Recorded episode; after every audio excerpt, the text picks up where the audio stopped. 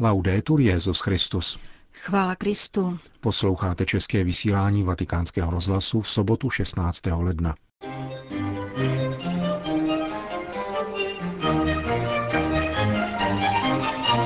K novému humanismu práce vyzval Petrův nástupce na setkání s italským křesťanským hnutím pracujících. Vzdělání je stále více výsadou elit, řekl papež ve videoposelství účastníkům amerického kongresu katolické výchovy. Vatikán není lotrovské doupě, říká pro italský časopis Panorama substitut státního sekretariátu svatého stolce arcibiskup Angelo Beču.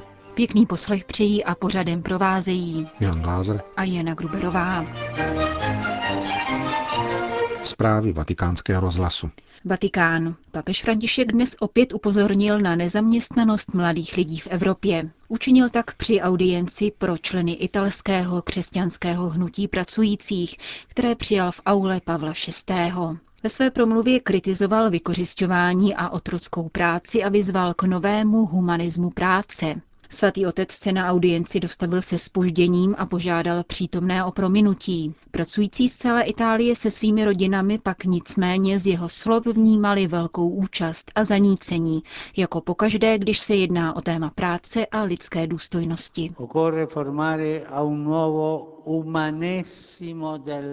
Je třeba vychovávat k novému humanismu práce, Žijeme totiž v době, kdy se pracujících zneužívá, v čase, kdy práce neslouží lidské důstojnosti, nýbrž zotročuje. Musíme proto vést k novému humanismu práce, jehož středem je člověk a nikoli zisk, kde hospodářství slouží člověku a nikoli člověka využívá. E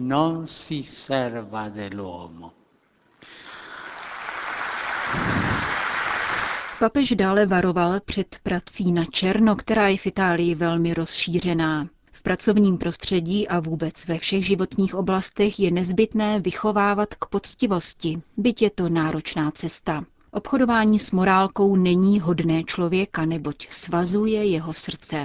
Altrimenti ingenerano una mentalità falsa e nociva Vzniká tak falešná a škodlivá mentalita, kterou je třeba potírat, totiž nelegálnost vedoucí ke skaženosti člověka i celé společnosti. Ilegalita je jako skrytá chobotnice, která svými chapadly uchvacuje, působí otravu, znečišťuje a činí mnoho zla.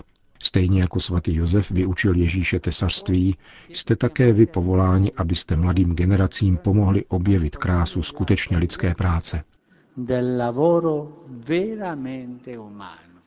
Práce by měla lidi zbližovat, nikoli oddalovat, uvedl papež další hledisko pracovního života, totiž sdílení. Trávíme v zaměstnání tolik hodin denně, že by to měla být příležitost ke sdílení každodenních problémů a zájmu o naše spolupracovníky. Přítomnost druhých lidí máme přijímat jako dar a jako zodpovědnost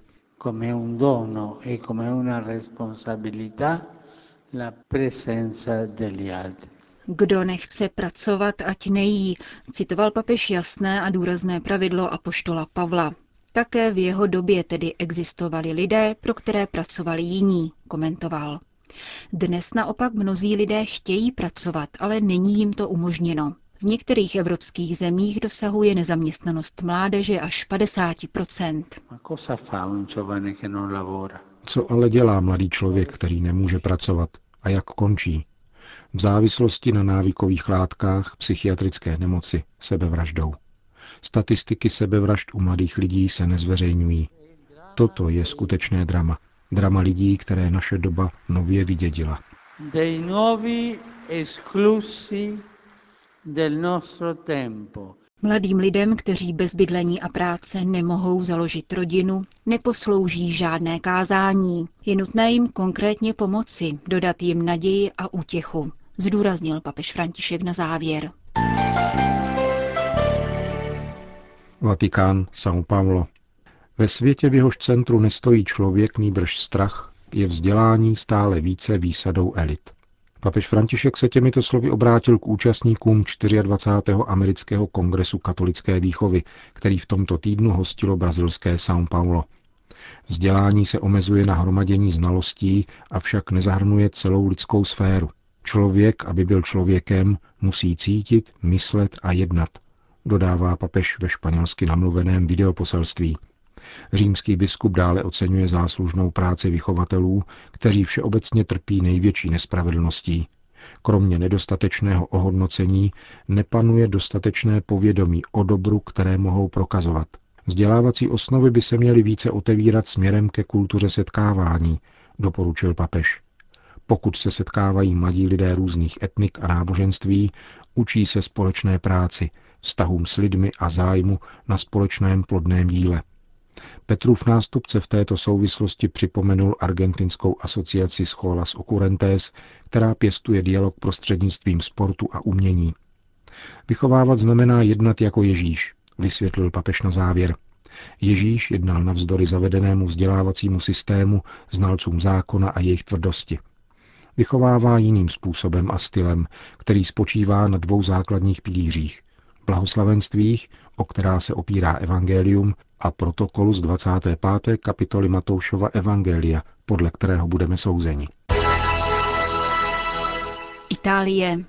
Vatikán není lotrovské doupě, říká pro italský časopis Panorama arcibiskup Angelo Becciu, substitut státního sekretariátu svatého stolce a jeden z nejbližších papežových spolupracovníků jako reakci na aféru tzv.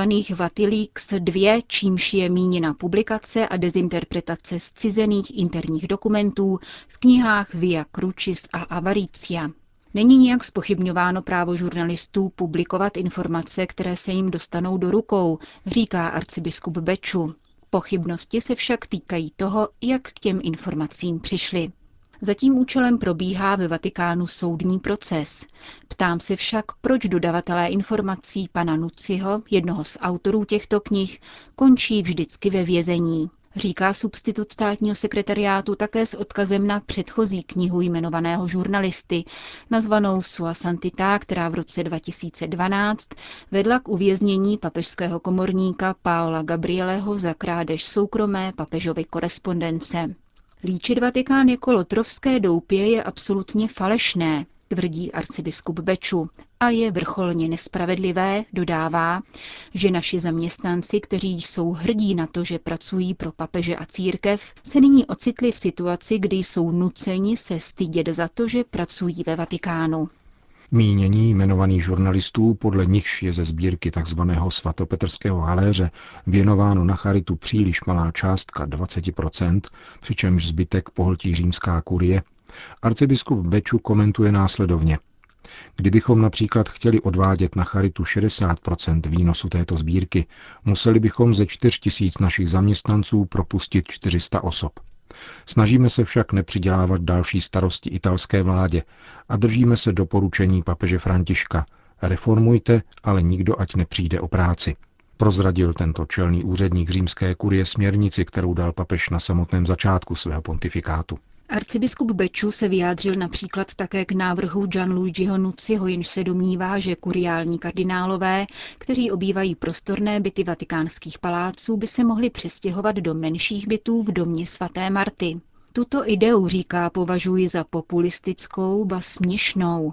Stěhovat kardinály by znamenalo vyvíjet nátlak na starší osoby. A navíc by vznikl problém, kde ubytovat ty kněze a zaměstnance kurie, kteří v domě svaté Marty bydlí nyní. Měli bychom pro ně vybudovat nějaký další palác? Na základě ideologického předsudku je nám tedy navrhováno, abychom uvolnili byty a vynaložili obrovské sumy na výstavbu dalších.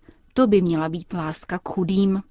Nynější prostorné římské rezidence kuriálních kardinálů totiž podle arcibiskupa Beču nelze pronajmout, protože byty se nacházejí v sídlech jednotlivých úřadů římské kurie a jako takové mají statut extrateritoriality, tedy jsou majetkem městského státu Vatikán. Mohou je tedy obývat pouze občané nebo zaměstnanci Vatikánu.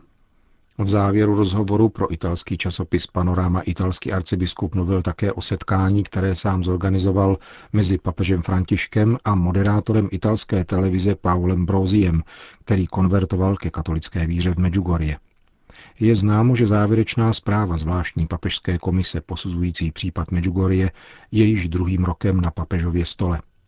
Substitut státního sekretariátu pak v této souvislosti prozradil, že se zvažuje, zda je vhodné, aby svatý stolec v souvislosti s mariánským kultem ve zmíněné lokalitě západní Hercegoviny vydal nějaké pastorační směrnice. Německo. Pro následování křesťanů muslimy pokračuje i v německých uprchlických táborech.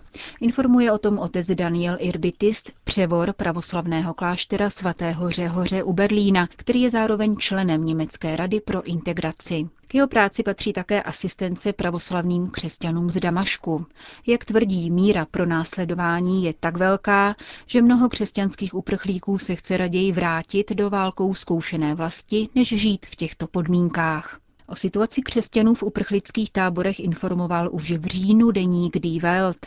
Napsal doslova, že muslimové jednají s křesťany jako se zvířaty a hrozí jim smrtí. Otec Daniel o tom nyní napsal v listu adresovaném federálnímu ministru Péteru Altmajerovi. Informuje ho, že křesťané ze Sýrie, Eritreji a dalších zemí zažívají v německých táborech ústrky, pronásledování a násilí. V nejhorší situaci jsou bývalí muslimové, kteří přijali křest. Pro muslimy totiž odpadlíci nemají právo na život, proto se bojí nocovat v táborech a často hledají nocleh v kostele. V listu ministru Altmajerovi otec Daniel zdůrazňuje, že německé právo by nemělo slevovat muslimům. Skutečnost, že policie v těchto záležitostech nezasahuje, označuje za nepřípustnou. Canterbury. Tříletou podmínku pro americkou episkopální církev odhlasovali anglikánští primasové na svém setkání, které tento týden probíhalo v Canterbury. V posledních desetiletích tato americká větev anglikanismu budila kontroverze mezi souvěrci v různých zemích světa. V roce 2003 totiž udělila biskupské svěcení pastorovi, který otevřeně žil v homosexuálním svazku.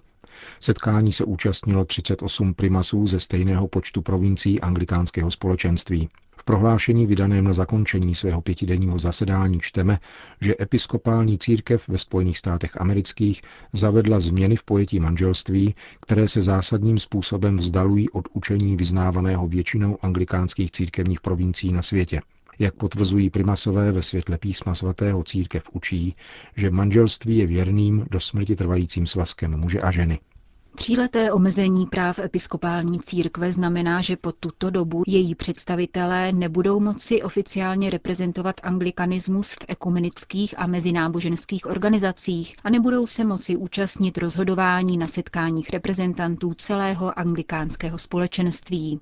Ještě před uplynutím těchto tří let na rok 2018 byla totiž svolána anglikánská konference v Lambeth. Primasové ustanovili rovněž zvláštní komisi, která má pracovat na zlepšení vzájemných vztahů mezi anglikánskými církvemi.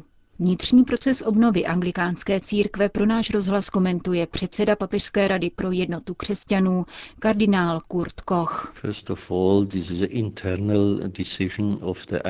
Předně je třeba říci, že jde o interní záležitost anglikánů. Ze své strany mohu dodat, že mě těší, že nedošlo ke schizmatu, ale pouze k tříletému omezení práv. Doufám, že tento čas bude využit k obnovení hlubší jednoty anglikánského společenství.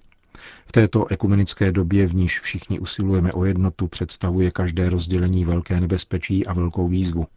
Věřím, že budeme pokračovat v dialogu, vzhledem k tomu, že jeho hlavní témata se týkají stejných otázek, totiž na jedné straně vztahů mezi místní církví a církví univerzální a na druhé straně problému, jak dojít k větší jednotě v přístupu k rozdílným etickým postojům. To jsou hlavní témata katolicko-anglikánského dialogu, která nyní vystoupila na povrch uvnitř anglikánského společenství. Bylo by pěkné, kdyby dialog mezi námi zároveň pomohl anglikánskému společenství v návratu k jednotě. Komentuje kardinál Kurt Koch.